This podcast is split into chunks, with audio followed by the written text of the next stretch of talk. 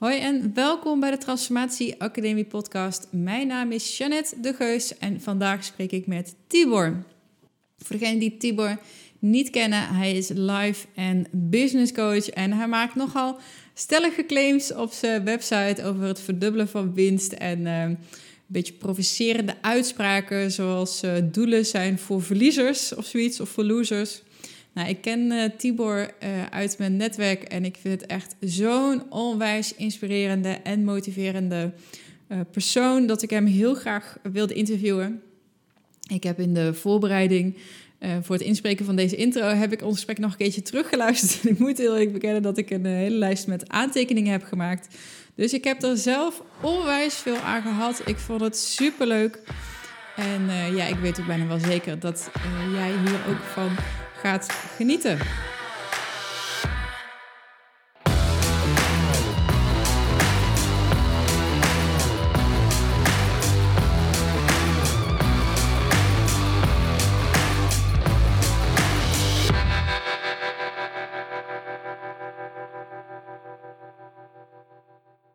En voordat we beginnen met het interview, nog eventjes heel erg leuk nieuws. En dat is dat vanaf januari 2018 uh, lanceren we bij Love Fit Food een nieuw product. En dat is echt een one-of-a-kind iets. Dat is de Food Freedom Mindset. En degene die bijvoorbeeld mijn uh, interview in de podcast van Patrick Kikker, de Leven zonder Stress uh, podcast, hebben geluisterd, die weten dat ik ja, nogal gepassioneerd ben over de psychologie van het eten. Een onderwerp ehm, wat mij enorm bezig heeft gehouden als ex. Nou, ik noem het wel eens uh, ja, verslaafd aan eten. Maar ook verslaafd aan zelfafwijzing en het niet kunnen veranderen. En de vervelende stemmetjes in mijn hoofd die zeiden van... Uh, nou, fuck it, of maakt niet uit, of lukt me toch niet. Dus ik was echt, ik was de prototype ja, rebelse eter. Maar je hebt ook troosteters, saboteurs, zoete kouwen.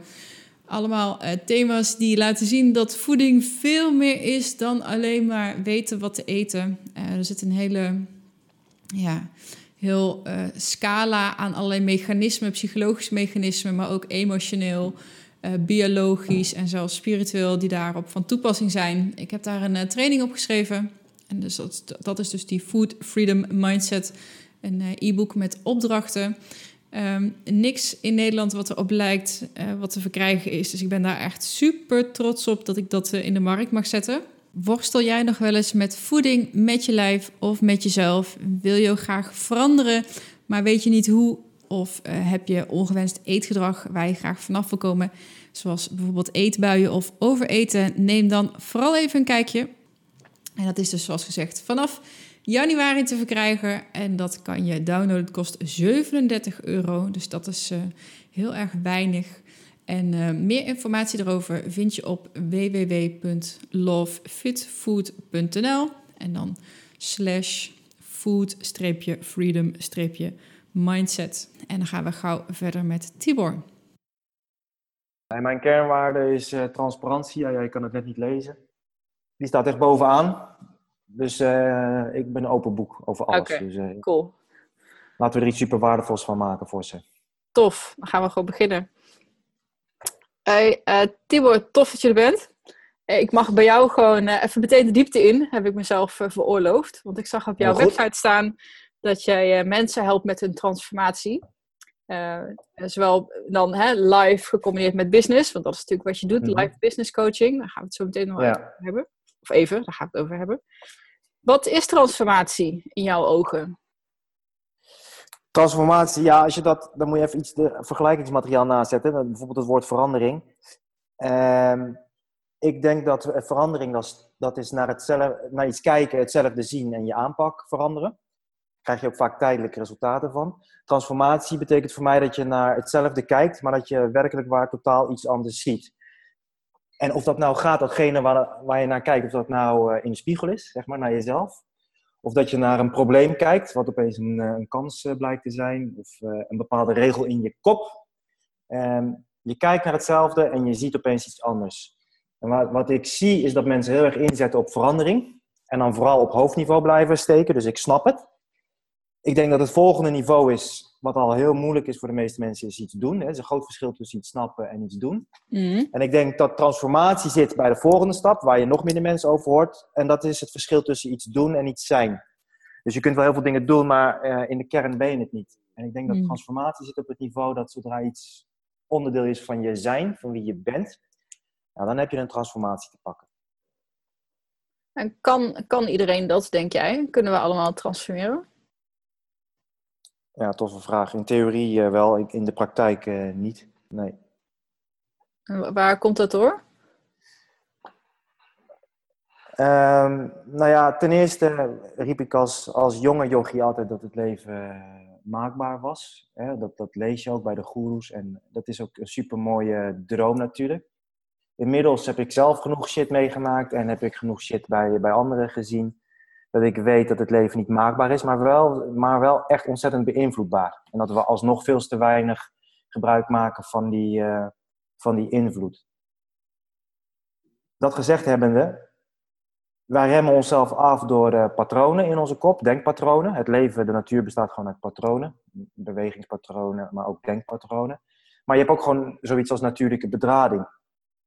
En bij sommige mensen is de combinatie van de natuurlijke bedrading en de ingesleten patronen zo sterk ehm, dat het ze gewoon niet lukt om, om die transformatie waar ze, waar ze zeggen dat ze naar op zoek zijn, om die, voor, om die uit te voeren, om die te doen. Mm. Ja, dus in theorie is het een heel mooi verhaal. Iedereen kan rijk en gelukkig worden. In de praktijk eh, is dat gewoon niet zo. Ja. En ik denk dat door dat te omarmen, dat, dat dat voor heel veel mensen al een soort van ontspanning geeft. Zou dat, nu dat je dat zegt, schiet, gaat bij mij keer weer een lampje aan. Want het is zeg maar ook een vraag die mij bezighoudt. Van oké, eh, is het leven dan echt wel maakbaar? Als je kijkt naar vrije wil inderdaad. En naar een stukje evolutionaire bagage, et cetera, et cetera. Ja, Maar het omarmen van het, wat jij net, precies wat jij net zei. Het omarmen van het feit dat het misschien niet maakbaar is. Is dat niet dan ook alweer een transformatie, maar dan bijna op het soort van... Ja, mega metaniveau. Maar dit is dus dit is wat ik, wat ik bedoel. Dus dat je naar hetzelfde kijkt, alleen dat je iets anders ziet. Ja. Eh, Dus dit is inderdaad een, voor, een voorbeeld. En, maar nogmaals, die, die, die invloed die we hebben, die is gigantisch. Maar het leven is Mm. echt niet maakbaar. Sommige mensen die krijgen zoveel ellende op een bordje in, in één of twee jaar. Dat gun je iemand in een mensenleven niet toe.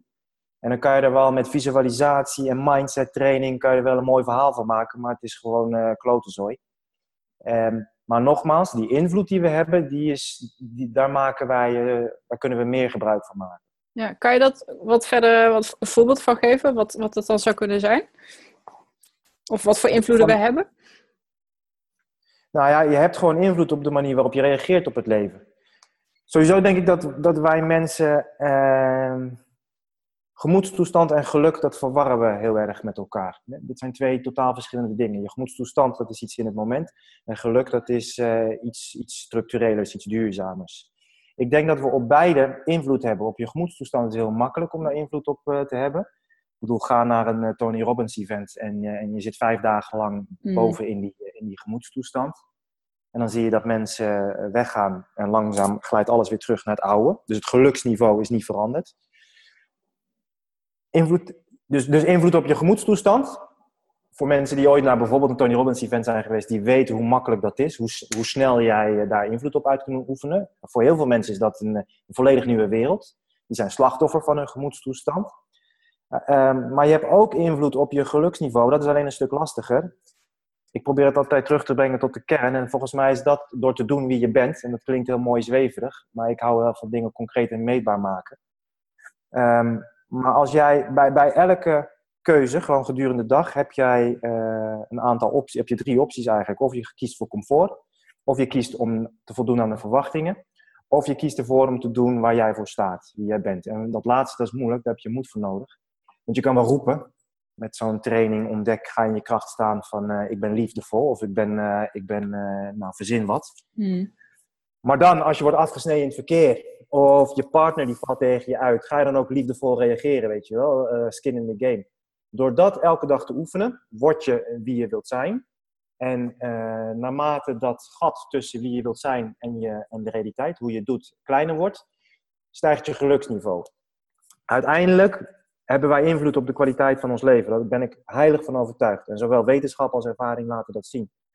Dat je beter kunt leren denken, bijvoorbeeld. En, en niet beter denken voor mijn, volgens mijn voorwaarden, volgens mijn regels, maar beter denken voor jou. Want ik geloof dat de kwaliteit van je leven wordt beïnvloed door de kwaliteit van je emoties, je relaties en je prestaties. En dan je prestaties, je fysieke gezondheid, je financiële gezondheid. Je prestaties als rol, als ouder, als kind, als werknemer, als vriend, als vriendin.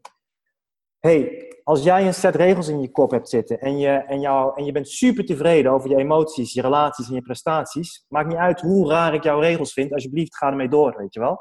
Uh, want, je, want je bent gelukkig, je hebt fijne emoties, je hebt toffe relaties en je, je bent tevreden over je prestaties, wat jouw regels dan ook zijn. Maar als jij merkt dat je op één van die drie of meerdere van die drie gebieden, je emoties, je relaties of je prestaties, niet tevreden bent, waarschijnlijk gebruik je regels in je kop uh, die niet werken voor jou. En daar heb je invloed op. Dus dan kan je beter leren denken voor jou, voor, voor, voor jouw voorwaarden. En, en, nogmaals, daar hebben we echt heel veel invloed op. Hmm.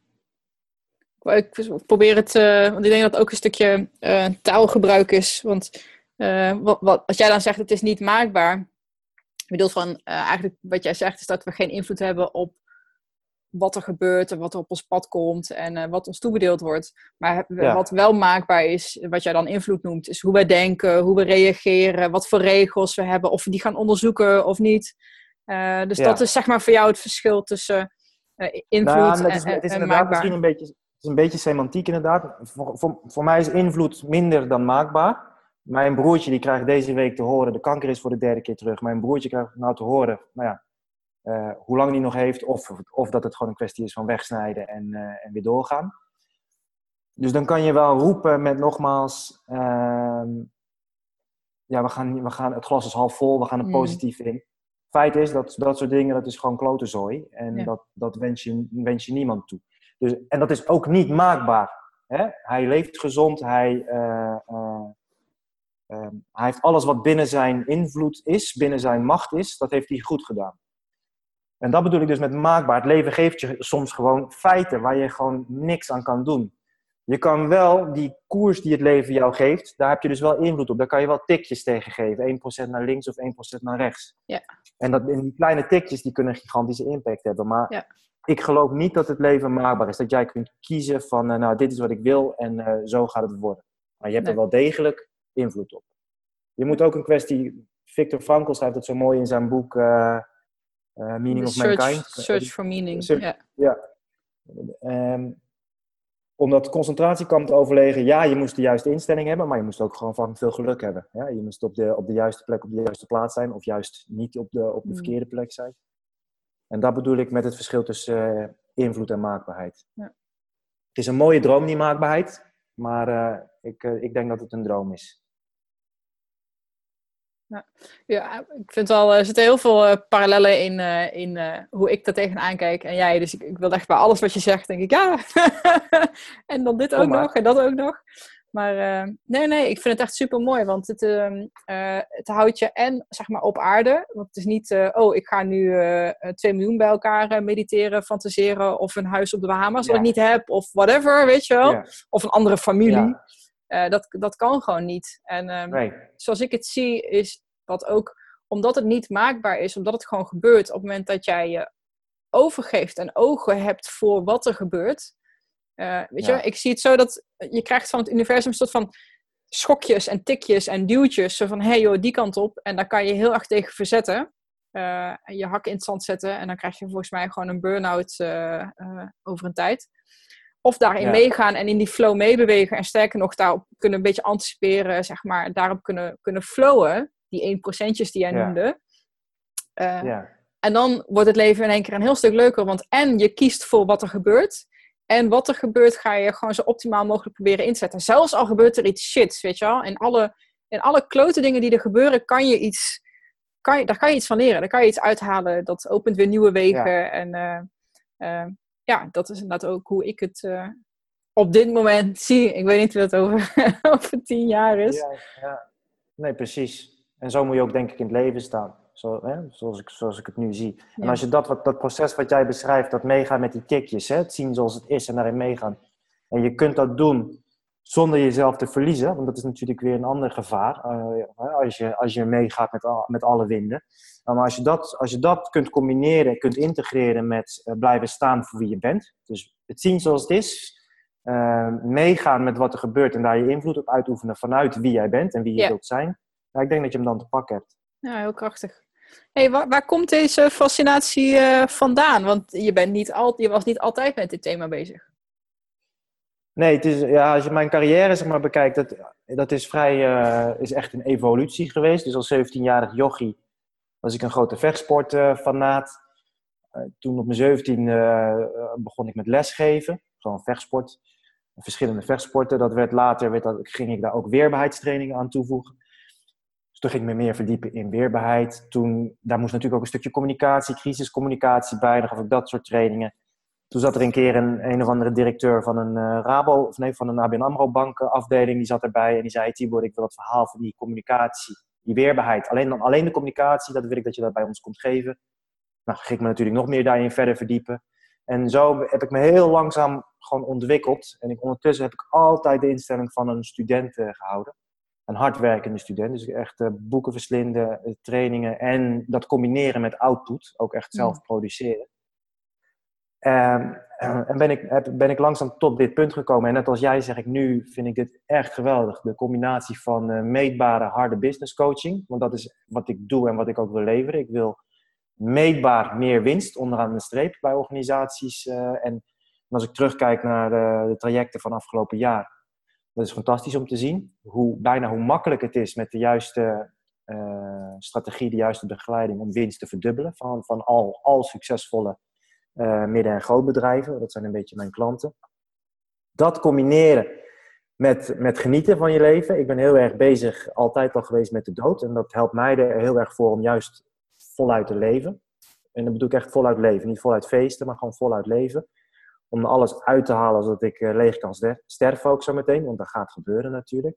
Ja, om die twee werelden, zakelijk succes, persoonlijk geluk, om die twee met elkaar hand in hand te laten lopen, dat vind ik het gaafste wat er is.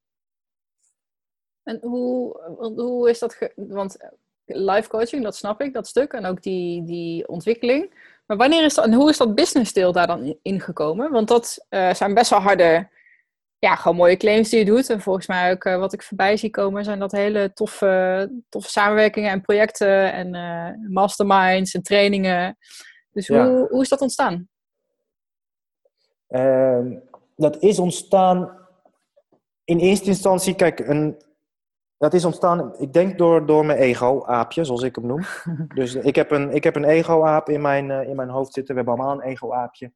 Sommige van onze ego-aapjes hebben een ego-aapje dat, dat zich terugtrekt of dat verdrietig wordt. Andere die altijd aan het schreeuwen is. Die van mij die kan echt niet tegen onrecht. Uh, daar heeft hij ook weinig geduld voor. Daar heb ik me vroeger door laten leiden. Nu kan ik er naar hem luisteren, zonder naar, door hem te laten leiden. Um, wat ik zag in de wereld van de coaching, wat ik zie in de wereld van de coaching, is dat er uh, ten eerste iedereen noemt zich coach. Uh, er is een, gigantisch gedeelte van de coaches die een bende maakt van uh, zijn of haar eigen leven en, en geld vraagt om, ja, om coaching sessies bij die persoon af te nemen. En ik zie dat in de coachingwereld het veel te vrijblijvend is wat er wordt verkocht. Meer in je kracht staan of meer zichtbaarheid. Ja, wat is meer zichtbaarheid? Als ik twee extra oogjes op mijn, op mijn Facebook fanpage heb, dan heb ik meer zichtbaarheid, weet je wel. Als dat die 10.000 euro waard. En die, die, dat wat ik zag in de coachingwereld, gecombineerd met mijn ego-aapje, die niet goed tegen onrecht kon. En ik sprak steeds meer mensen die dan 10k aan zo'n bullshit jaarprogramma hadden uitgegeven. Tweede hypotheek hadden afgesloten en na een jaar eh, zichzelf kwijt waren en al hun geld dat was, eh, in het begin was dat echt de startmotor. Dat is, helemaal, dat, is, dat is ook goede brandstof om te starten, maar dat is geen duurzame brandstof. Die laat veel roet uh, achter op je, op je eigen motortje. Dat heb ik nou, zeg maar, dat zit nog steeds in me. En ik laat dat tot uh, 10, 20 procent van, mijn, van mijn brandstof is nog steeds schoppen. Uh, schudden aan die boom van bullshit business coaches. Maar die andere 80 procent vind ik het zo gaaf om te bouwen. En ik heb gemerkt, gewoon de afgelopen eh, tien jaar, dat het, het lukt mij om bij mensen de rem eraf te trekken. alle remmen los was een van mijn eerste, eerste taglines. En dat is zo magisch, net als je, als je dat lukt. Als je ziet dat iemand eigenlijk al die tijd alles al had. De juiste strategie, de mensen, de middelen. Alleen die, die, die, die fucking rem die er nog op zat door de oude conditionering. En als je die er dan afkrijgt en je ziet wat er opeens allemaal gaat stromen bij die persoon zelf en daarmee met, eh, voor alle mensen waarvoor ze wat kunnen betekenen, ja, dat is zo gaaf om te zien. Dus wat ik kon brengen in de wereld van de business coaching, is ik, ik breng echt die twee werelden samen. Keiharde, keiharde meetbaarheid, gewoon euro's, marges, niet omzet. Omzet is voor verliezers, maar gewoon winst. Wat hou je over aan het einde van de dag? En dat gecombineerd met er wel van kunnen genieten. Want uh, Ilko Smit, een, van mijn mentoren, zegt dat heel mooi. Uh, als je succes zonder dat je ervan geniet, is helemaal geen succes. Dus ook, ook bij hem, ik heb dat ook. Ik heb redelijk wat klanten die zijn verschrikkelijk succesvol en doodongelukkig. Nou, om dat te combineren, dat is, uh, dat is zeg maar de 80% liefde die ik in, in mijn werk doe. En wat ervoor zorgt dat ik blijf leren, blijf werken en er zoveel voldoening ook uit haal. Hey, uh, je zegt, uh, nee wacht even, je, je taglines, want uh, je zei het, mijn eerste tagline was alle remmen los. ik heb even op je ja. site gekeken, nu eh, zie je ja. er een aantal in zo'n heel mooi, zo'n mooie animatie voorbij komen. En een aantal, en zo zijn ze natuurlijk ook wel geschreven, trok ook wel mijn aandacht. Alles heeft een prijs. Ja, ja, ja. ik heb een t-shirt, oh, t-shirt heb ik hier onderaan. Ja, dat heb, ik, dat heb ik gezien. ja. Op de voorkant staat alles kan. En dan word ik, als ik over, over straat loop met dit shirt of met de trui, word continu aangesproken. Oh ja, alles kan. Of koffie kan, thee dan. Maar, uh, en het is ook een mooie boodschap om te verkopen. En hij wordt ook heel veel verkocht. Hè? Op, uh, op internet vooral. Door de online uh, internet marketing gekkies. Van alles kan. Hè? Passief inkomen, reizen, locatie onafhankelijk. En het geld stroomt binnen. En je hebt een vet sociaal leven. En je bent gezond. Het kan allemaal. Dat is gewoon de helft van het verhaal. Dat is gewoon gelul. Want op de achterkant van het shirt staat bij mij alles heeft een prijs. Ah, bedoel jij hem zo? Oké, okay, nu, ja. nu snap ik hem. Ah. Alles, heeft, alles kan, dat klopt ook. Alles kan. Je kan miljonair worden, dat kan. Maar begin maar te snijden in je sociaal leven. Begin maar te snijden in je gezondheid. Ja, je kan uh, op, op, zoals waar jij mee bezig bent, op wereldkampioenschapniveau de sport gaan beoefenen. Maar begin maar te snijden in je comfort. Begin maar te snijden in je, in je ontspanning. Alles kan, alles heeft een prijs. En juist nu met die sociale media overal om ons heen, met allemaal mooie, succesvolle, rijke, slanke mensen, um, is die boodschap van alles kan, die is verlammend. Want als jij continu overal om je heen hoort en ziet dat alles kan, want dat is natuurlijk gelul, dat is ook allemaal maar een façade, en je kijkt dan naar je eigen leven, dan kom je natuurlijk niet in beweging, want het, het valt in niet bij, bij al die mogelijkheden. En als ook alles kan, ten eerste, wat moet je dan kiezen? En ten tweede, als alles kan, waarom zou ik het dan vandaag doen? Want ja, het kan ook nog wel morgen. En dat is denk ik het allergrootste probleem. Dat wij dus niet, we hebben een fout in ons brein. We weten wel dat we doodgaan, maar niet vandaag, weet je wel. En ook niet morgen waarschijnlijk en ook niet volgende week. Ook dat is, is maar een aanname. En door een gebrek aan urgentie, door niet te beseffen dat, ik weet niet hoe oud de gemiddelde luisteraar van jou is, maar dat die maximaal nog een keer of 40 de maand december gaat vieren. Dat is het. Mm. Dat is echt niet veel. Teken maar eens 40, 40 vakjes op een blaadje. Uh, dat is helemaal niet zoveel. Door, door niet te beseffen dat je, dat je naar je deadline toe leeft. En van die 40, hoeveel daarvan zijn er nog gezond? In Nederland wordt de vrouw op haar gemiddelde, op, het, op, z'n, op haar 42ste chronisch ziek. En een man op zijn 46ste. Nou, hoeveel, hoeveel gezonde decembers heb jij nog, weet je wel? En door niet bewust om te gaan met die dood, door niet bewust om te gaan met die deadline en te geloven dat alles kan, nou, zie ik dat mensen uitstellen, dat mensen niet kiezen. En mij helpt het heel erg door enerzijds te beseffen, ik ga dood, dus ik ga er wat aan doen, dus ik, ga, ik heb urgentie, vandaag. En anderzijds, ik moet kiezen. Ik doe liever een paar dingen heel goed dan alles niet. En dat zie ik, een grote groep zie ik dat laatste doen. Alles een beetje, alles half en niks goed. Dus daarom, wel, alles kan, alles heeft een prijs. Wat ga je kiezen? Ik heb recentelijk nog uh, ook een beetje zo'n sommetje gemaakt. Noem het uh, de biologische klok die tikt, ik weet het niet. Maar ik ben uh, 37. Ja. En um, zo van, nou oké, okay, hoe ver ben ik dan? En hoe, hoe, lang heb ik nog? Maar dat besef van, oh, ik ben misschien al wel op de helft. Want je weet het niet. ja. Had, bij mij is zelfs een beetje het, aanver, een, het tegenovergestelde effect van wat jij net zei. Mm -hmm. Uh, dus het motiveerde niet om harder te, of in ieder geval om, om dan. Het motiveerde me niet in een positieve zin, laat ik het zo uh, zeggen. Ik heb voor mezelf niet omgedraaid. ik ga gewoon 120 worden. ik wil nog zoveel doen. Um, dus daar heb ik gewoon heel, nog heel veel jaar voor nodig, zeg maar. Ja. Dus ik vind het wel heel leuk om... En, uh... en ik snap hem, maar tegelijkertijd, dit is mijn visie die ik nou ingeef. Ik vind hem gevaarlijk. Ik ga gewoon 120 worden. Want, want stel nou ja, ik, dat, ik, wil, jou, dat ik hier een pil zou hebben waarmee wij het, waarmee wij het eeuwige leven zouden krijgen. He, stel jij je hebt die pil en, en je, gaat, je kan gewoon niet meer dood. Kan gewoon niet. Is de verbinding nog goed? Ja. Oké. Als jij het eeuwige leven zou hebben, je weet gewoon ik ga niet dood. En je hebt een boek in je dat je wilt schrijven, dat je wilt publiceren. Ga je het dan vandaag schrijven? Ga je het dan vandaag publiceren? Oh, zo. Nee, maar dat, uh, ik, dan uh, moet ik hem even... Hoe langer jij je leven maakt... Nee, ik moet hem even specificeren. Ja.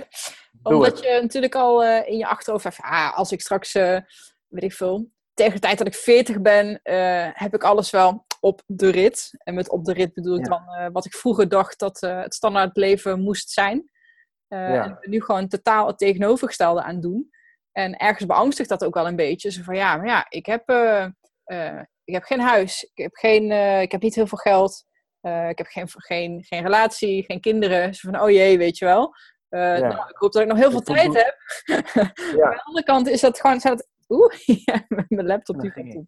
Ja. Aan de andere kant zijn dat hele bewuste keuzes dan ook wel weer. omdat dat niet het leven is wat, wat ik nu wil leiden. Dus dat, zo van, nou, misschien heb ik dan, wil ik dan nog gewoon meer tijd. Ik weet niet. En, ik, zou, ik zou het heel beangstigend vinden om te denken van uh, ik heb nog maar heel kort.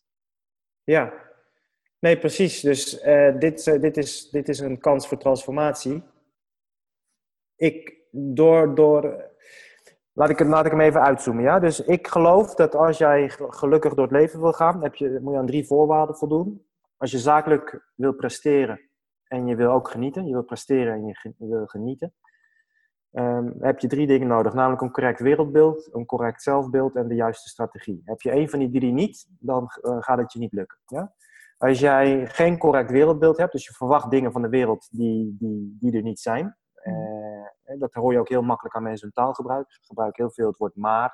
Of zeggen heel veel zinnen als ja, het zou toch zo moeten zijn dat. Of het is toch van de zotte dat. Je hebt geen correct wereldbeeld. Er zit een gat tussen de realiteit en wat je wilt. Dan de allerlastigste, geen correct zelfbeeld, oftewel een bord voor je kop. Ja. That's one way to put it. ja. Als je, als, je een bord voor je kop, als je een bord voor je kop hebt, dat is hartstikke fijn, weet je, want het beschermt je tegen van alles. En je hebt het waarschijnlijk dat bord ook ooit opgepikt in je jeugd, omdat er shit naar je gegooid werd door je ouders, door de kinderen in je klas, door de kinderen in de buurt, door je docent, door ik weet het niet wie. Er werd shit naar je gegooid en toen merkte jij als ik dat bord ertussen doe, dan, dan word ik niet meer geraakt. Voor de een was dat bord jezelf wegcijferen. Voor anderen was dat bord problemen veroorzaken, zodat je mama geen klappen kreeg, maar jij bijvoorbeeld. Voor de andere was het bord gaan schreeuwen, gaan vertellen aan uh, hoe goed je bent. Voor een andere was uh, de nadruk leggen op je lijf en de spullen die je hebt. Omdat je uh, merkt, als ik, als ik deel wie ik echt ben, dan, dan doet het pijn. Zo hebben we allemaal toen heel functioneel een bord opgepikt om ons te beschermen tegen die pijn. Alleen als je op een gegeven moment dat bord te, te veel bij je hebt gehouden en voor je kop bent gaan houden om je continu tegen die pijn te beschermen, dan gebeuren er twee hele vervelende dingen. Als je naar buiten kijkt, naar het wereldbeeld, wat zie je dan? Dat bord. Hè? In plaats dus je hebt geen correct wereldbeeld meer. En als je voor de spiegel gaat staan met dat bord, dan kan je ook jezelf niet goed zien door dat bord. Dus zo'n bord voor je kop, ja, uh, ik moet er ook altijd wel om lachen, maar het is, een, het is vrij pijnlijk hoeveel mensen met een hele dikke plaat voor hun kop door het leven gaan. Waardoor het gewoon per definitie onmogelijk is om de wereld te zien zoals die is en om jezelf te zien zoals je, zoals je bent. Ik vind tijd, om terug te komen op wat jij zegt, ik snap hem. Ik, vind, ik zelf vind tijd een gevaarlijk, uh, gevaarlijk concept, omdat het een, een valkuil is om dan voor, voor uitstel. En, en vooral een valkuil is, het verleidt extra tijd verleidt tot uh, het uitstellen van keuzes. Of gewoon überhaupt niet kiezen. Geloven dat dus alles kan. Het kan gewoon niet alles. Niet alles tegelijkertijd. leven is voor mij als zo'n Chinees buffet. Je kan wel alles kiezen, maar je kan niet alles tegelijkertijd hebben. Dat kan gewoon niet. Je moet kiezen, anders ga je voor gaas. Er zijn hele toffe onderzoeken ook gedaan over uh, keuzestress. Ik weet niet of je die uh, kent. Waarschijnlijk heb je die wel gezien. Um, volgens mij was dat met... Van de jam in de supermarkt? De jam in de supermarkt, ja. Ja. Um, Dat, uh, Voor degenen die het niet uh, kennen, ik vind het wel leuk om te vertellen. twee groepen mensen. De ene kreeg keuze volgens mij uit vier soorten jam. De andere, zes, nou laat het 26 zijn. En ze hebben gemeten, oké, okay, ja. uh, maken die mensen een keuze? Hoe, hoe, snel maken ze een keuze? En hoe tevreden zijn ze na afloop met hun keuze? En je zou denken dat, nou, hoe meer ja. keuze, hoe beter. Want dan kan ik echt kiezen waar ik echt zin in heb. En dat is dus niet zo. mensen kiezen uh, nee. niet als ze heel veel keuzes hebben, want ze weten het niet, ze zijn overweldigd. En ze zijn er achteraf ontevreden over van, oeh, maar nu heb ik sinaasappel persik. Misschien had ik toch gewoon voor persik moeten gaan. Weet je wel, als je wilde. Dus, ik had, het had altijd beter gekund. Ja. Ja. ja. Eigenlijk moet je gewoon één jam hebben, gewoon één universele smaak voor iedereen. Is iedereen blij. Ja. Ja. En dat is een van mijn andere uh, kernwaarden waar ik mijn leven omheen bouw. En dat is eenvoud. Dat is, uh, ik heb net al over transparantie gehad. Eenvoud. Eenvoud betekent voor mij simpel. Maar eenvoud betekent in het Nederlands, er zitten zoveel mooie juweeltjes in de Nederlandse taal verstopt. Maar eenvoud betekent ook één keer. Hè? Je kan iets in tweevoud kopiëren, iets kan ook in eenvoud. Als ik bijvoorbeeld kijk naar mensen, hoe ze bijvoorbeeld met hun gezondheid bezig zijn.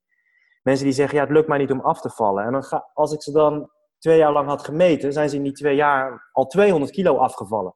Alleen, niet één, één keer, ook niet twee keer. Ze zijn dezelfde kilo's wel twintig keer eh, afgevallen en weer opnieuw aangekomen. Hetzelfde geldt voor bouwen aan een relatie of bouwen aan een business. Als je ziet hoeveel mensen erin stoppen, alleen dan telkens weer de boel laten verslonsen, en waardoor ze weer overnieuw moeten beginnen.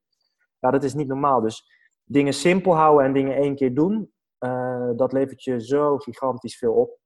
Wat een heel interessant uh, uh, onderwerp, dat, dat, dat volhouden. Of dat als je dan eenmaal moment, momentum hebt, want ik geloof er ook in dat mensen dat wel kunnen en wel doen. Wat zijn daar tips voor als, je als je van jezelf weet van... hé, hey, ik ben zo iemand, die, uh, ja. dat is mijn valkuil. Hoe, gaan, hoe moeten mensen daar, kunnen mensen daarmee omgaan? Nou, één, altijd beginnen met het bord voor je kop. Dus begin eens met dat bord voor je kop uh, uh, eerst te zien, het bord te zien. En, en, iedereen die nu zegt, oh, maar ik heb geen bord voor mijn kop, Tibor, oeh. Je hebt echt een uitdaging bij jou. die voor jou is extra ja. dik, ja. Maar het begint gewoon bij bewustzijn. Als je geen correct zelfbeeld hebt, dan, dan kan ik je de beste strategie geven voor productiviteit. Dat gaat gewoon niet werken. Want als jij nog steeds bezig bent om indruk te maken op je vader, als jij nog steeds bezig bent om anderen tevreden te houden, om anderen niet te teleur te stellen, om onderweg continu jezelf de hele tijd nou, we, hebben, we hebben het dan eigenlijk over dat een, zelf, een zelfbeeld, een incorrect zelfbeeld, uh, dat hebben we allemaal. Ja. Uh, is ook al vaak ja. in de podcast naar voren gekomen. Denk je dat we ja. daar van, van af kunnen? Dus dat, dat, dat we dat kunnen oplossen? Dat is wel echt de kern ook van, uh, denk ik ook van ja, transformaties. Ik, dat geloof ik echt. Dat geloof ik echt. Dat dat, en dat zal altijd een, een reis blijven. Maar door alleen al te accepteren dat je een bord voor je kop hebt, ook liefdevol, ook liefdevol zien dat de kleine jongen of kleine meisje in jou dat destijds uh, vanuit liefde voor jou heeft opgepikt om jou te beschermen. Um, dat continu te weten van jezelf en continu te checken, uh, elk jaar opnieuw van, hé, hey, en hoe ziet mijn bord er nu uit? Is het dik, is het dun, is het misschien wel, is het er wel, maar is het van glas? Dus ik kan er in ieder geval doorheen kijken. Um, um, ja, dat, daar, daar kan je, iedereen kan er zeker weten mee aan de slag. Begin is heel veilig, heel klein met persoonlijkheidstesten. En de uitslag van een persoonlijkheidstest zou moeten zijn: Hé hey Jeannette, je hebt de test gedaan, dit is het resultaat. Dit is waar je goed in bent, dit is waar je niet goed in bent, dit is wat je fijn vindt, dit niet. Niks meer aan doen, je bent perfect zoals je bent. Dit is het en het is perfect. Zo zou die moeten zijn. Ze worden vaak ingezet van, nou ja, hier ben je goed in, oké. Hier ben je niet zo goed in, dus als je dat even wil aanpassen, we hebben een cursus voor je. Maar begin bijvoorbeeld veilig in je één keer je computer met uh, persoonlijkheidstesten. Um, heb het lef om aan verschillende mensen te vragen, bijvoorbeeld per, per WhatsApp, van uh, hey, waar vind je dat ik goed in ben en waarvan zou het nog kunnen groeien? Wat is mijn rem? En alsjeblieft spaar me niet. Hoe eerlijker je bent, hoe meer ik eraan heb. Tot aan uh, huren uh, een verdomd goede coach in, die, die de waarheid vertelt. Dat, dat gun ik iedereen. Dus op jouw vraag, ja, ik geloof echt dat bewustzijn, daar kan iedereen mee aan de bak en daar begint het mee. En om nou weer terug te komen naar jou, jouw eerste vraag. Het volhouden. Ik, ik geloof niet zo in volhouden, in discipline. Ik zie dat uh, een grote groep mensen is bezig met, uh, met aantrekkingskracht.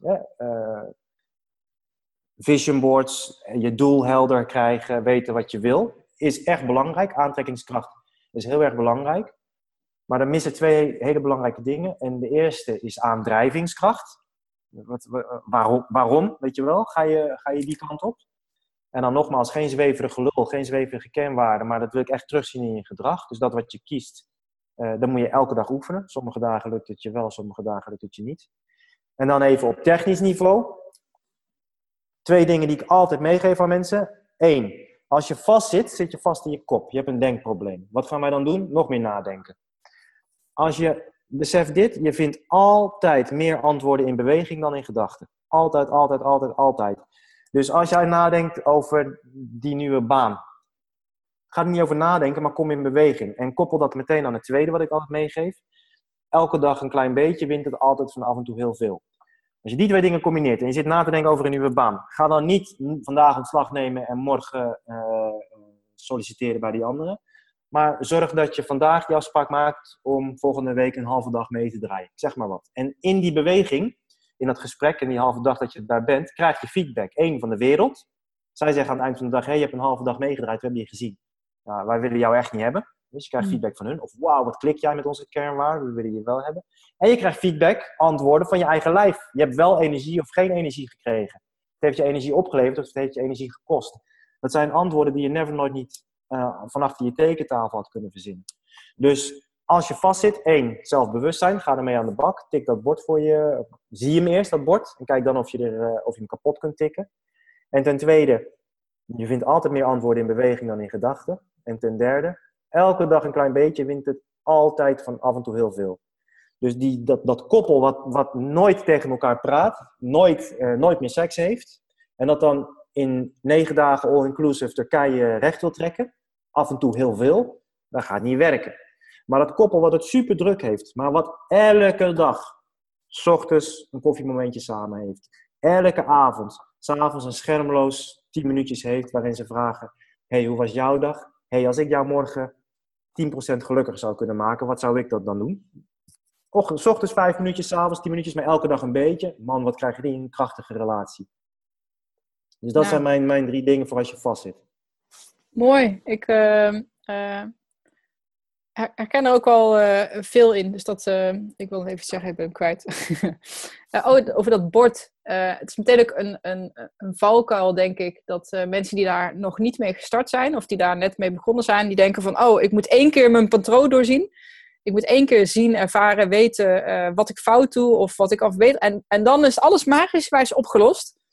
Uh, ja, ja, Dat, dat, dat, is, niet zo. Dat, dat is, dus verschil tussen verandering Ja. Dat is zo mooi dat dat, nee, dat dat dus niet, uh, dat dat er niet is. Dat dat continu, uh, dat zijn kleine deelaspecten waar je dan mee aan de slag gaat, die dan helder worden, waar je anders op reageert. Maar dan heb je dezelfde eigenschap in een andere, net een iets andere situatie en dan ga je toch weer in je oude patroon zitten. Dus het is continu wegtikken, zeg maar, van zo'n... Uh, en dat is continu, ik noem dat zo van dagelijkse krachttraining eigenlijk. Want je wordt ook niet sterker door aan een kettlebell te denken. Nee, je moet hem elke dag optillen, je moet er elke dag mee gaan. Maar hij wordt gewoon, je wordt steeds efficiënter, het gaat steeds sneller, je wordt steeds sterker. Uh, en dat is echt al een valken wat ik bij mensen zie. Dan denken ze, oh, nou moet ik gewoon één keer zo'n cursus doen en een training doen. Nou, en dan, dan weet ik het en dan ben ik genezen. Dat dacht ik zelf ook. Oh, waarom maak ik nou nog steeds dezelfde fouten? Ja, uh, omdat het gewoon zo werkt. Ja. ja, en ook die, hè, dan ben ik genezen. Je bent al perfect, weet je wel. Je bent helemaal goed. Ik zie, in eh, dit kwartje, dat, dit, dit valt elke keer weer opnieuw bij mij. Iedereen loopt met dezelfde wortel van twijfel, wortel van angst. Namelijk, ik ben niet goed genoeg. En nogmaals, de hele stoere, stoere jongens en mij nu zeggen: Oh, daar heb ik geen last van hoor. En die gaan door met zichzelf overschreeuwen en door met indruk maken. En met extern vertoon. We hebben allemaal die angst: ik ben niet goed genoeg. Allemaal dezelfde. En vervolgens komen we elk met hele creatieve manieren om dat gat te vullen. En bij 99% van de mensen proberen we dat extern op te lossen. Externe oriëntatie hebben. En dat zorgt voor een boel ellende. En wat jij net zegt, um, ik denk dat dat je slaat de spijker op zijn kop. Dat is het verschil tussen verandering en transformatie. dit, dit, wat jij net benoemt. En om nog even bij die kettlebell van jou te blijven. Eén zo'n training kan ontiegelijk waardevol zijn. Want als ik bij jou uh, een kettlebell workshop kom doen. En jij gaat naar mijn bewegingspatroon kijken. En ik doe een kettlebell snatch. En jij ziet dat ik niet schruk of dat ik mijn heup niet strek. Waardoor ik het, hè, dat mijn patroon achter elkaar, ik, ik schruk niet, ik strek mijn heup niet en ik buig mijn onderrug als ik hem uh, laat zakken. Dus een en al ellende. Dat heeft een hele negatieve impact op het aantal herhalingen dat ik kan maken. Heeft een negatieve impact op het aantal kilo's dat ik boven mijn hoofd krijg. Op mijn prestaties heeft het een negatieve impact als alleen al het inzicht voor mij van shit, ik, deed, ik deed nooit die shruk maken als ik, uh, als ik in, mijn eerste, in mijn eerste pool. Nou word ik te technisch, maar alleen al dat inzicht is voor mij heel erg waardevol. Maar door te YouTuben naar kettlebell uh, filmpjes en te zien, ah ja, ik moet shruggen. Er is niks veranderd aan mijn 1 rem snatch. Daarvoor zal ik week in, week uit moeten trainen om dat patroon, dat oude patroon te doorbreken en dat nieuwe patroon erin te slijten. En, en, er is gewoon geen verschil tussen dat fysieke patroon en uh, het, het, creëren van nieuwe denkpatronen. En het, en het doorbreken van oude negatieve denkpatronen. Die kun je gewoon trainen. De wetenschap met Mealina, het boekje De Talent Coach schrijft daar heel mooi over. Het is gewoon uh, volledig wetenschappelijk dichtgetimmerd. Je, je brein is plastisch. Niet normaal hoe plastisch dat is en hoe trainbaar het is. Ja, en als jij altijd shit FM hebt aanstaan, dan wordt dat steeds sterker. En dan, maar je kan ook een Power FM er tegen, ernaast zetten. Je kan shit FM niet uitzetten, maar je kan Power FM wel krachtiger maken. En dat moet je trainen. Dus jij hebt gekozen van, ik wil meer hè, dat doen, richting, of meer zo zijn, richting, de, uh, richting die transformatie waar ik, waar ik naar verlang. Ik wil meer voor mezelf kiezen. Bijvoorbeeld, laten we die eens eruit lichten. Zodra je dat hebt besloten, wel binnen 10 minuten kom je op een, op een splitsing. Waarbij je moet gaan kiezen tussen iemand anders teleurstellen of jezelf teleurstellen. De default modus, helemaal in Nederland, waarin wij geconditioneerd worden om ons aan te passen. Nederland is een verschrikkelijk feminine samenleving, uh, wereldwijd gezien. Uh, is de default modus van nou, ik ga wel mezelf teleurstellen, zodat ik de ander tevreden kan houden. Dat is netjes. Hè? En, en op, door op zo'n moment moedig te zijn bang te zijn, te twijfelen en dan te kiezen voor jezelf, dan ben je dus aan het oefenen. En dan ben je dat pad aan het bewandelen van worden wie je wilt zijn. En dan ben je aan het pad aan het bewandelen van transformatie. En als ik dan bijvoorbeeld naar jou kijk, Jeanette, ja, volgens mij heb jij alles op de rit. Het leven dat je nu leeft. Ja, al die dingen die je volgens de norm niet hebt, maar alles wat jij belangrijk vindt, nu, op dit moment in je leven, dat doe je. Soms ben je doodsbang, soms dan ben je maximaal aan het genieten. Maar je doet waarvoor je staat. Nou, volgens mij is dat de definitie van je zaken op de rit hebben. In tegenstelling tot sommige van mijn klanten, die miljoenen verdienen, prachtige kinderen hebben, een fantastische uh, uitziende partner hebben. En een shitrelatie hebben met hun kinderen, met hun partner. Een verschrikkelijk zelfbeeld hebben. Hun gezondheid door hun vingers hebben laten glippen. Ja, heb je dan alles op de rit? Ik weet het niet. Nee. Hey, uh, je noemde de ego-aap een paar keer. En uh, kan je, wat, is, wat is de ego-aap? Waar, waar komt hij vandaan? Wat, uh, wat, is zijn, wat is zijn rol? Zijn rol is heel simpel, pijn vermijden. Daarvoor, ik heb van Richard Dalet, uh, is inmiddels ooit een, een, klant van mij. Ik heb hem gecoacht. Hij zit in mijn mastermind. Ik zie hem zo meteen, gaan we masterminden. Um, het is inmiddels ook een goede vriend van mij geworden. Hij kan het zo mooi uitleggen hoe ons brein, hè, bij computersoftware of op je iPhone, als er een nieuwe update beschikbaar is, dan wordt de oude verwijderd en dan wordt de nieuwe geïnstalleerd. Handig. Ons brein werkt niet zo, die werkt als een blokkendoos. Dus wij hebben hier een verschrikkelijk stuk oud software, 200.000 jaar oud. Daarbovenop ons reptiele brein. Op dat reptiele brein is ons sociale brein, uh, het, het, het, aapbrein zoals ik dat noem, uh, gebouwd. Dus de bovenop, dat oude brein zit er nog. Die zit daar bovenop gebouwd. En daar bovenop is het laatste stukje, de prefrontale cortex, de voorste hersenschors is daar opgebouwd. Dus we hebben te dealen met die twee oude breinen. Um, dat, dat sociale brein, dat A-brein, dat eigenlijk, ja, die wil niet zo heel veel, die, die wil erbij horen. Eigenlijk dat, die wil graag goed genoeg zijn. Die wil graag goed genoeg zijn en die wil pijn vermijden. Pijn vermijden, erbij horen. Dat wetende, dat wij een brein hebben dat geprogrammeerd is om pijn te vermijden. Um, als je dat, en als je dan tegelijkertijd beseft dat al het duurzame geluk waar wij naar verlangen in de wereld, dus een, een, een gezond en vitaal leven, een fantastische relatie waarin je, waarin je open en eerlijk bent en waarin liefde stroomt, een gezonde business, financiële vrijheid, al die gave dingen, die zitten, en dat weet jij en dat weten de mensen die luisteren ook, die zitten verstopt achter een dun laagje pijn.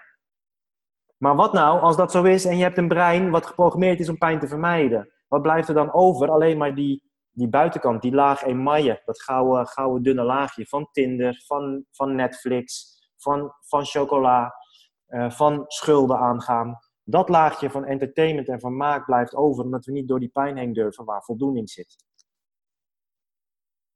Ik heb het echt. Um, mega interessant boek gelezen over uh, verslaving van uh, Canadese arts, Dr. Gabor Mate. Oké, okay. dat is een Hongaarse naam. ja, nou goed, het, uh, hij is de arts ook voor echt mensen die aan de heroïne, cocaïne, dus echt de zware middelengebruikers. Ja. Maar hij is zelf verslaafd aan het kopen van cd's. Dus hij haalt hem ook mhm. steeds terug naar eigenlijk een geaccepteerde vorm van verslaving. Maar ook ja. hard werken, eigenlijk al die dingen die je ook noemde, weet je wel, bewijzen dat jij er ook toe doet. En ja. een, een vulling of een, een, een, een troost, zeg maar, voor die pijn. En hij leidt het allemaal terug naar uh, uh, stresservaringen ook als kind zijnde. En dat er niet goed op jou, dat je niet kon klikken met andere mensen. Dat er eigenlijk een mismatch mhm. was tussen jou en je omgeving. Je ouders hadden de druk. Weet je, dat konden mensen ook niet doen. Ja. Dus geen schuldvraag of zo, maar dat is gewoon, weet je wel. Nee, maar het is wat het is. Ja. En dat is, uh, daar, ik moest eraan denken, omdat is eigenlijk wat je ook net zei, van ja, weet je, dat brein uh, wil pijn uh, vermijden. En in die vermijding, als dat er te veel is geweest, dan gaan we ook allemaal middeltjes zoeken van buitenaf om ons goed te laten voelen. Om dat stukje pijn wat er zit. Oh, ik hoor er niet bij. Ik ben niet goed genoeg. Er is geen tijd voor mij. Niemand luistert naar mij. Ze vinden me stom. Bla bla bla. Dat is zo'n kernovertuiging. Die wil je ja, die wil je geloven. Maar dat is zo'n kernovertuiging. Kijk, en bij de echte junkies is dat gewoon vele malen uitvergroot. Maar zijn stelling is dat we dat eigenlijk allemaal hebben. Alleen allemaal. sommigen kunnen dat uh, maatschappelijk goed benutten door heel hard te werken en heel mooi baan, bla bla Heel hard te werken, heel hard te trainen, heel hard te zorgen voor andere mensen. En wat er dan gebeurt is dat we vermijden die pijn door te verdoven. Ja. Met externe oppervlakkige zaken. En wat gebeurt er daardoor? Daardoor gaan we lijden. Terwijl pijn is tijdelijk en lijden is voor altijd. En juist doordat we zo bang zijn voor die pijn, als je je laat leiden door dat, door dat oerbrein, door die ego-aap, die vanuit liefdevolle intentie, alleen het is een brein van 200.000 jaar oud.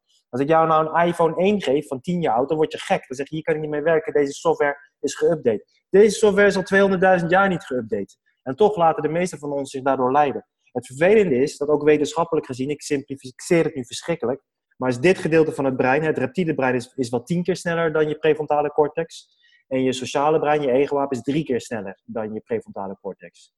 Dus jouw ego vindt het prima als jij s'avonds je wekker zet een uur eerder om dat uur te gaan sporten. Dat vindt hij prima, tuurlijk. We zitten nu lekker in bed, zet hij, zet een goed idee en dan zijn we, zien we er goed uit. En dan gaat die wekker om 6 uur s ochtends. En wie mapt dat ding uit en wie begint te vloeken van welke idioot heeft deze wekker zo vroeg gezet? Dat is diezelfde ego-aap. En die is aan het schreeuwen. En jouw prefrontale cortex, nee, maar het is goed voor ons. Het helpt om onze doelen te bereiken. Die is veel te langzaam, dus die verliest het dan in zo'n situatie. Wat je dus moet doen, is met die prefrontale cortex dat ego-aapje, dat beestje leren beheersen. Dat leren mm. om de tuin te leiden, leren wanneer je het een banaan moet geven, wanneer je het moet afleiden. En ik denk dat de sleutels daarvoor, hè, we hebben een heel erg resultaat, doelgeoriënteerde samenleving. Ook in de trainingen die ik zie, in coaching die ik zie, die wordt aangeboden, draait heel erg om resultaten en om doelen. Ik focus heel erg, ik geloof echt dat doelen voor verliezers zijn. dat, ja, dat wilde ik je nog uh, naar vragen. Die zag ik voorbij komen. Doelen zijn voor verliezers. Ja, doelen zijn. Ja, en ja, kijk, kijk zo meteen op, uh, op uh, eh, 5 januari of zoiets. Naar alle mensen die een doel hebben gesteld op 1 januari. Uh, doelen is voor mensen die over het algemeen verliezen. Ik heb, ik, heb, ik heb zelf tien jaar lang bij een speciale politie-eenheid gezeten. Daar ook ontzettend veel geleerd. En wat je daar zag, is dat wij trainden ook soms met, met, met, met de gewone politie mee. En alle respect voor hun. Ze hebben vier trainingsdagen per jaar waarvan twee examendagen. Dus uh, er blijven twee, uh, twee trainingsdagen over. Wat ik zag bij mensen die uh, zelden tot nooit een vuurwapen vasthouden op de, op de schietbaan, is dat die waren zo gefocust op dat doel, op die schietschijf, daar moet ik op raken, dat ze het hele proces, het vuurwapen dat ze vasthouden, hun eigen ademhaling, hun houding, dat ze die uit het oog verloren en daardoor niks raakten en zelfs gevaarlijke situaties creëerden. Je hebt wel een doel nodig, oké, dat is wat ik wil, dat is die stip op de horizon, of dat is de, de vijf, hè, het hart van de roos. Maar meteen daarna moet je dat doel loslaten, dat moet wazig worden. En wat moet je dan scherp krijgen? Je richtmiddelen, in, hè, als ik even bij het vuurwapen blijf. Maar je kan dit natuurlijk één op één naar je eigen leven trekken. Dat proces, hoe sta jij daar? Wat is je ademhaling? Wat, wat ben jij aan het doen? Hoe sta je erbij? Waar focus je op? Als je daarop focust, als jij verliefd wordt op je proces, dan garandeer ik je, dan word je dol op je resultaten.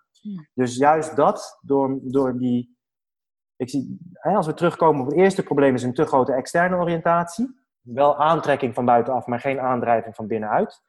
Eh, wie ben je nou en waar sta je nou voor? Tweede probleem is een resultaatfocus in plaats van een procesfocus. Ga nou focussen op het proces, op wat je moet doen, in plaats van op wat je wil bereiken. Zeg niet tegen jezelf, ik wil vijf kilo afvallen. Zeg tegen jezelf, ik ga van deze week vijf keer koken en ik ga vijf keer trainen. En ik ga uh, een half uur eerder naar bed. Focus op het proces en je wordt dol op je resultaat.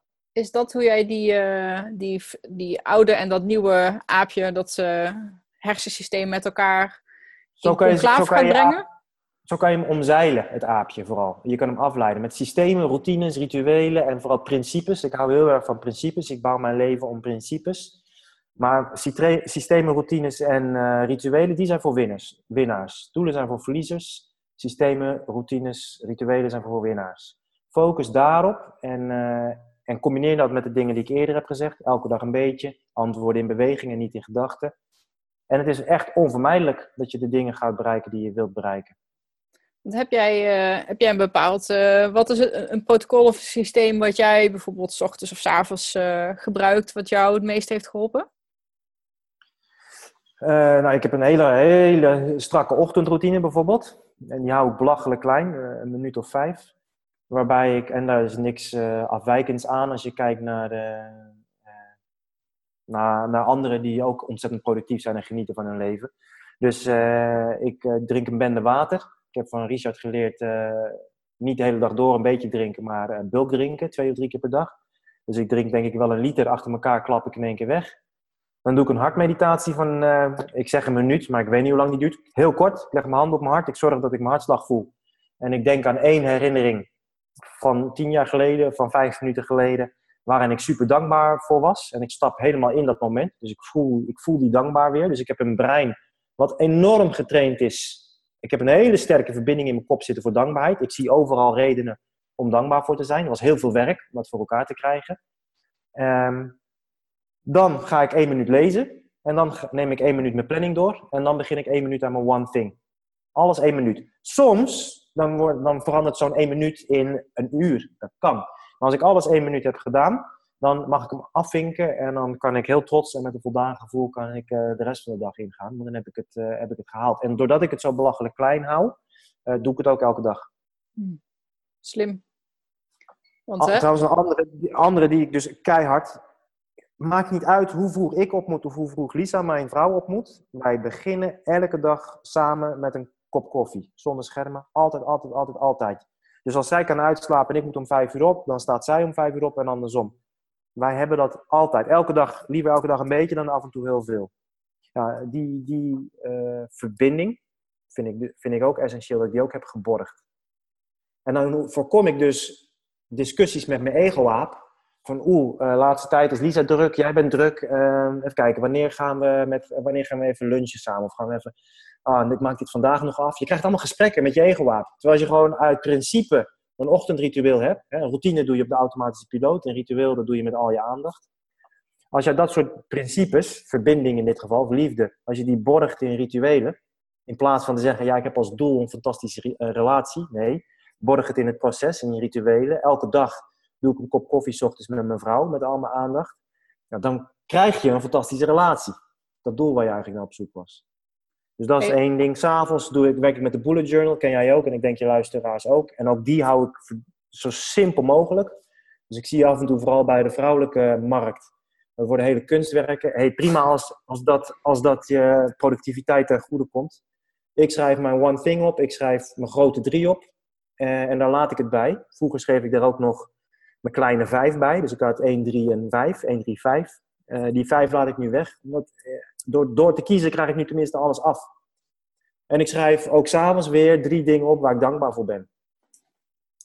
Dankbaarheid is voor mij echt de sleutelemotie tegen, tegen, tegen, tegenover alle ellende. Ja, wat je net zei, van het heeft me heel veel werk uh, gekost. Want uh, ja, het klinkt alsof Tibor lekker bezig is, weet waar hij over praat, hoog in zijn energie, veel mooie dingen bezig. Maar hoe, dat was vast niet altijd zo. Wat, hoe, hoe is dat traject van dat dankbaarheid dan uh, ontstaan? Was het, ging het altijd zo voor de wind? Of waarom, waarom... Ja, ik moet gewoon eerlijk zeggen, ik heb gewoon heel veel, ik heb heel veel geluk gehad. Ik heb heel veel geluk gehad met mijn opvoeding. Ik heb heel veel geluk gehad in de buurt waar ik ben opgegroeid. Ik heb heel veel geluk gehad met mijn jeugdvrienden. Hè? Als jij een jeugdvriendje had wat aan de drugs ging, nou, dan, ging jij ook dan ben jij waarschijnlijk ook aan de drugs gegaan. Dus ik heb één, net als Victor Frankl, ik heb heel veel geluk gehad. Twee, alle invloed al vanaf jongs af aan, die ik heb gehad op het, op het leven en op mezelf, die heb ik, daar heb ik wel gebruik van gemaakt. Ehm, dus het is, het is een combinatie van, van geluk hebben en, en die invloed benutten. En dat heb ik wel gedaan door. En dan kom ik op twee dingen uit. Kiezen, kies jezelf. Dus ik vraag ook niet zo snel aan mensen van wie ben je. Ik vraag liever wie wil je zijn, want wie ben je? Ja, dat is je, je oude conditionering van je, van je ouders, van je eerste basisschooljuf of meester. Maar wie wil je nou zijn? Ik wilde bijvoorbeeld op een gegeven moment geduldiger zijn. Dat verwacht je natuurlijk helemaal niet, maar ik ben vrij snel en uh, veel woorden. Ik wilde wat rustiger en wat geduldiger zijn. Want ik, dat wilde ik echt. Niet voor anderen, maar ik wilde dat zelf. Maak het klein, maak het belachelijk concreet. Voortaan, als ik in de supermarkt was, dan liep ik naar de willekeurige, de eerste, de beste rij toe. Als ik hè, klaar was met boodschappen doen. Waarbij ik voorheen altijd een, een, een inschatting maakte. Uh, welke reis is kortst? Wie zit er achter de kassa? Uh, hoe, hoe, beweegt diegene? Is het een efficiënt persoon? Nou, verschrikkelijk. En dan had ik natuurlijk altijd alsnog de verkeerde rij. Dus ik mezelf staan er mensen met hele volle karren voor je, of ja, niet? En ja, weer de pincode niet, en verkeerde pasje. Oh, hè. En dan zat ik me opgevreten om dingen die er totaal niet toe doen in het leven. Um, en toen dacht ik, toen ben ik gaan oefenen. Je kiest een rij en je gaat gewoon zijn. Maakt me niet uit wat je doet. Je gaat ademhalen. Je gaat naar het stel voor je kijken. Kijken of ze ruzie hebben gemaakt. Wees maar nieuwsgierig. Of dat ze het superleuk hebben samen. Maar je gaat zijn. Dat lukte me voor geen meter. Ik was alsnog ongeduldig. En alsnog kwam er het stemmetje van, uh, zie je, weer de verkeerde rij. En elke keer dat ik dat bewust was, dus dat bewust dat bord zeg maar, uh, zichtbaar maakte van mezelf. En ik was voorbij de kassa met mijn boodschappen. Was ik iets geduldiger dan voordat ik in die rij ging staan. Ik was iets meer de man die ik wilde zijn. En, en dat is de manier waarop ik door het leven ga. En dat betekent voor mij dus ook de boel op de rit hebben. Door elke dag te oefenen. Ik vind het zo bijzonder dat als wij bijvoorbeeld een taal leren of een sport, dan, dan vind ik dat concept van oefenen, dat snappen we dan totaal.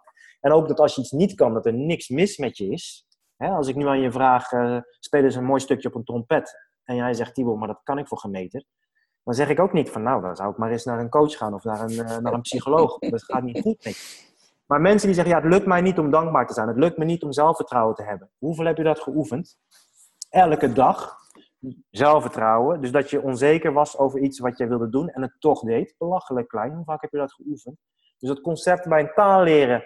Ja, ik heb net een uur Spaanse les gehad. Het ging voor een meter. Met een glimlach kunnen mensen dat zeggen. Oh, echt verschrikkelijk. Maar ik heb wel geoefend. Dan lukt dat. Neem datzelfde concept nou mee naar gewoon de rest van je leven. Oefen, kies jezelf en oefen dan. Zo ben ik door het leven gegaan en zo ga ik nog steeds door het leven. Ik vind het een hele interessante uh, ding. Inderdaad, het zit een beetje hoe ga je van alleen weten naar doen. Uh, dat is eigenlijk waar je volgens mij mee bezig bent. Doordat, uh... en, dan, en dan naar zijn, de laatste stap. En dan, en dan naar doen en zijn. Ja.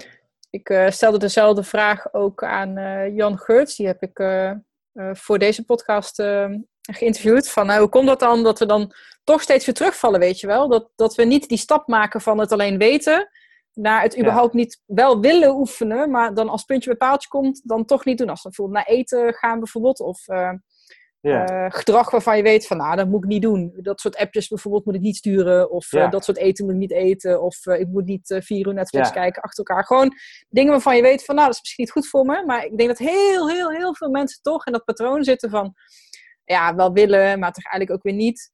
En ik vond het antwoord van Jan ook wel heel erg verhelderend. Hij zei van, ja, dan is de, de pijn nog gewoon niet groot genoeg. Dan is de wens om het anders te doen. Exact hetzelfde. Ik heb exact hetzelfde. Ja, ik coach ook alleen maar mensen die echt keihard willen. Ik laat ze door allerlei hoepeltjes springen. Los dat het een hele dure, uh, duur tra dure trajecten zijn die wij draaien. Uh, ik wil echt alleen maar met mensen werken bij wie de pijn groter is dan de angst. Ja de aandrijving, de aantrekking groter zijn dan de angst. Want we hebben allemaal, allemaal die angst. En bij heel veel mensen is de pijn gewoon niet groot genoeg. Maar dan krijg je, weer net, en dat is dan weer het interessante. Hoe komt het dat die pijn niet groot genoeg is? Omdat ze verdoven.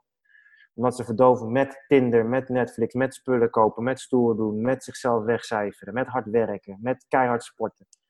En daardoor lukt het om die pijn klein te houden, waardoor ze dus die, zich laten leiden door die angst. Je moet wel luisteren naar angst. Angst is de goede raadgever, maar je moet je er nooit door laten leiden. Dus dat klopt. Eh, als de pijn niet groot genoeg is, dan ga, je, dan ga je niet transformeren. Alleen dan is weer de interessante vraag: hoe komt het dat die pijn niet groot genoeg is? Wat ben je aan het doen? Wat ben je aan het verdoven? Hmm.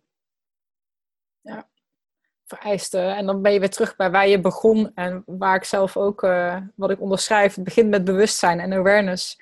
Als jij, zo, als jij niet weet wat je aan het doen bent, wat, wat voor gedachten er in je hoofd gaan, als jij maar gewoon geen bewustzijn hebt, dan kan je ook niet bewust zijn van je pijn en van het feit dat het misschien wel anders kan. Dus, uh, nee, ja, dan ben je kansloos. Dan ben je gewoon een speelbal van het leven. En ik denk dat er drie lagen van bewustzijn zijn.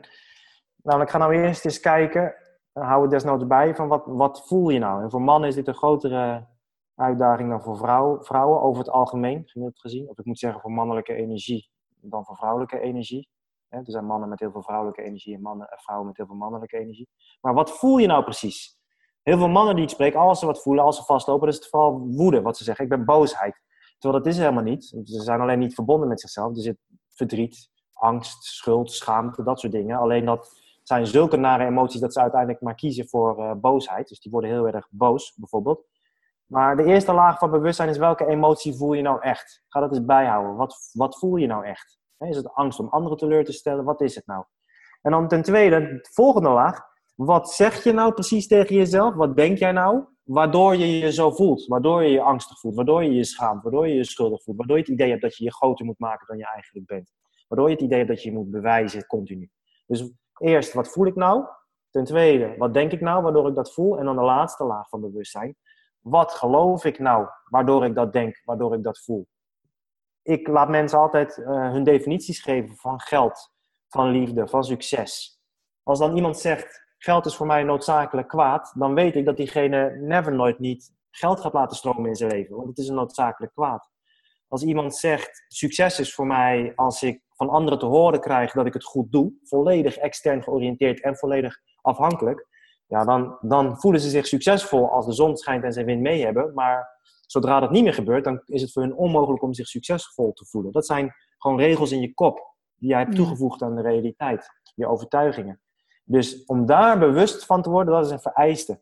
Eerst een, een correct zelfbeeld, dan een correct wereldbeeld, dan de juiste strategie. Wat zie je de massa doen?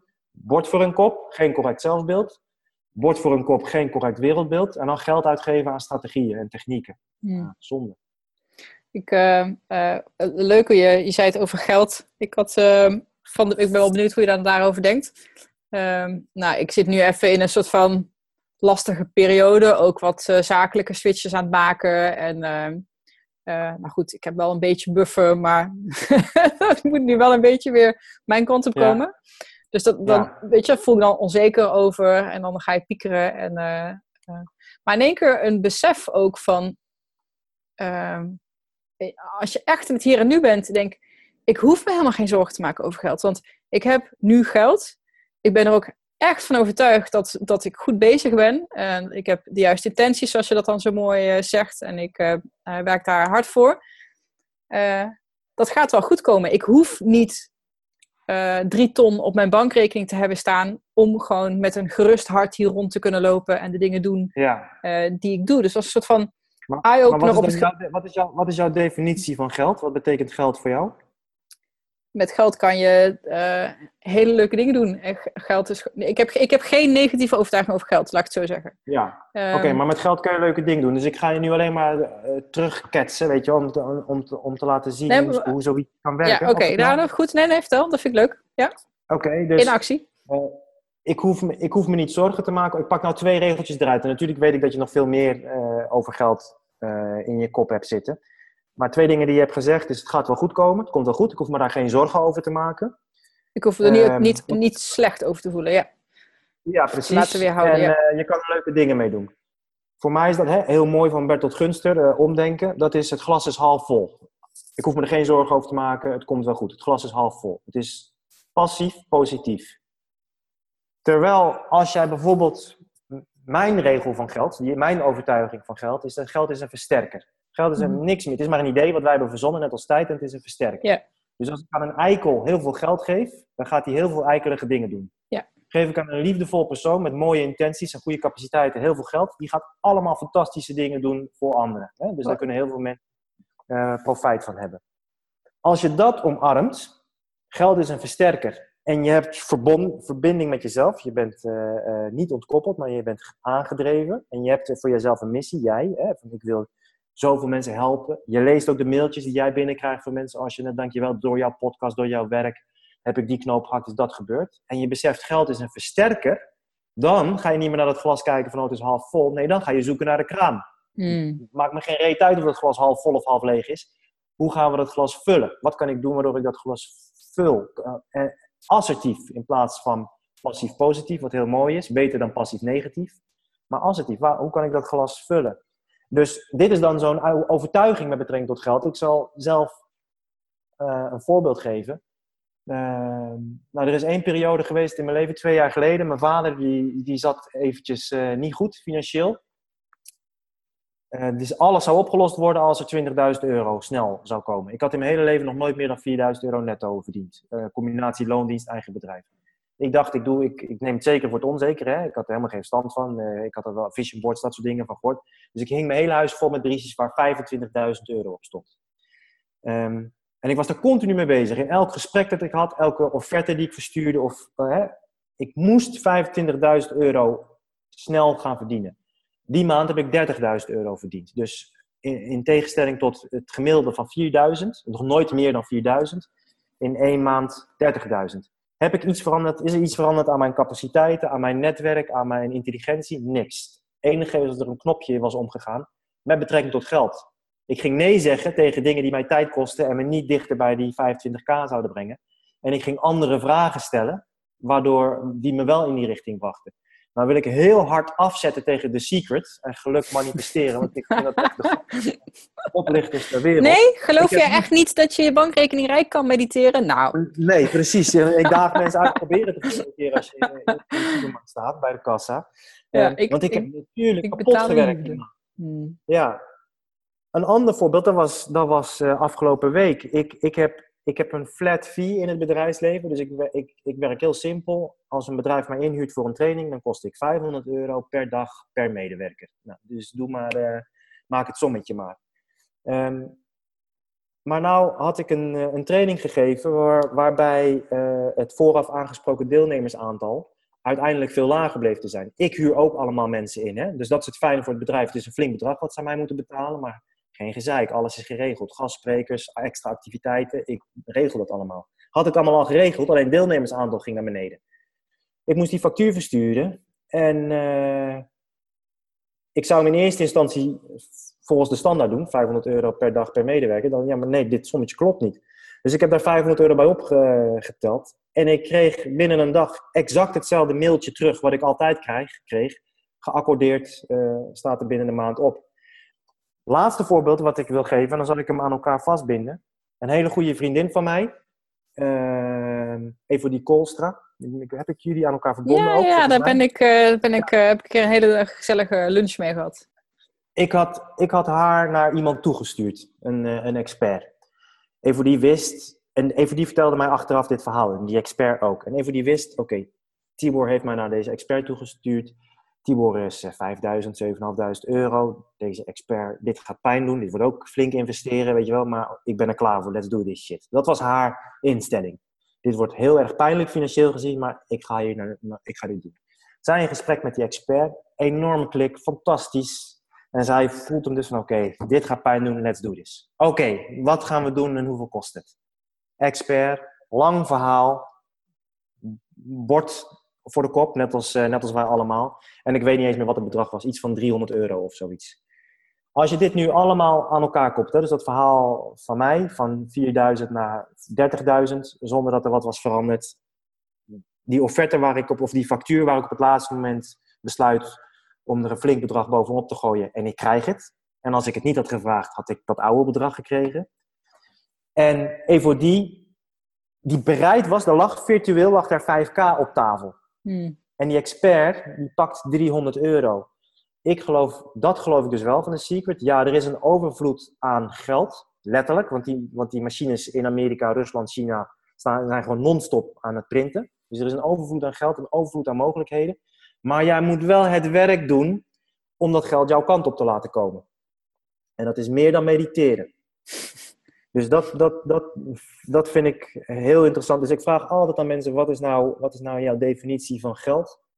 En uh, wat zijn jouw regels met betrekking tot geld? En dan kan ik één op één kan ik dat, kan ik dat koppelen aan jouw inkomen. En ik, en ik geloof bijvoorbeeld voor jouw specifieke geval, als jij gaat van het gaat wel goed komen naar um, het is een versterker voor mij en ik heb, ik heb verdomme nog wat te betekenen in deze wereld en ik wil nog impact maken. Um, oh, mijn internetverbinding is slecht, zegt hij. Kan jij mij ah. nog goed zien en horen? Ja hoor, ja hoor, hij doet het. Oké. Ehm, en jij koppelt aan, dat aan, het is een versterker en als ik meer geld heb, dan kan ik meer doen. En vervolgens doe je, regel je ook je shit. Dus je, je geeft ook een reden aan dat geld om jouw kant op te komen. En je, je onthoudt dit soort verhalen, waarin er gewoon heel veel geld op tafel lag en mensen het hebben laten liggen. Hmm. Want ik, ik kan me nu natuurlijk ook afvragen, als ik, als ik die factuur gewoon helemaal had verdubbeld, had ik dan ook hetzelfde mailtje gekregen, weet je wel. We laten continu laten we geld liggen. Nou, als jij dat koppelt aan mooie intenties, hard werken, je best doen en uh, zuivere intenties en iets proberen te bouwen, nou, dan geef je alle reden aan de wereld om dat, om, je creëert waarde. Dus het is logisch omdat dan ook dat geld naar jou toe komt. Ja, ik, uh, ik zie het ook wel zo. En uh, ik had eigenlijk willen zeggen, maar het is natuurlijk altijd onder spot is dat lastig. Ik vind geld eigenlijk neutraal. Uh, maar dat komt overeen met het is een versterker. Want het is niet het geld wat het goed maakt. Het is de persoon die het ontvangt, uitgeeft, weer verder zet, die er iets moois van maakt. Dus dat. Ja. Um, ik denk dat ook dat er een, een, ook, want ik heb dan in mijn eigen mastermind zitten wat meer startende ondernemers, een heel groot deel mindset is van, oh, maar dan heb ik in ieder geval maar vast die 300 euro. Het is heel erg eng om te gaan staan voor wie je bent en wat je doet. En zeggen, ja, maar dit is zoveel... Het heeft zoveel waarde wat ik doe voor die persoon. Uh, en ja. natuurlijk uh, ja, een exchange van uh, value. dan krijg, je weer, dan krijg je weer alles kan, alles heeft een prijs. Ja, je kan niet 300 euro pakken, ja. En dan zeg je dus nee tegen die 5, 5, 5k. Als jij ja zegt tegen, ja, maar mijn klanten kunnen dat niet betalen. Als jij dus ja blijft zeggen tegen dat soort klanten, zeg je nee tegen, tegen klanten zoals ik, die bereid zijn om een premium prijs te betalen voor premium kwaliteit, bijvoorbeeld. Dus elke keer dat jij. Wij snappen het heel goed dat als wij nee zeggen tegen iets, dat het iets, ons iets oplevert. Ik zeg nee tegen dat stuk appeltaart met slagroom, weet je omdat ik, omdat ik uh, gezonder wil zijn. Dat snappen wij. Wat wij veel minder zichtbaar hebben, is dat als jij ja zegt tegen iets, als jij ja zegt tegen iemand, ja is goed, ik help je wel, ja is goed, mail maar door, ik ga, wel ernaar, ik ga er wel naar kijken dan zeg je nee tegen ik weet niet hoeveel andere belangrijke dingen voor jezelf. En dat zien we niet.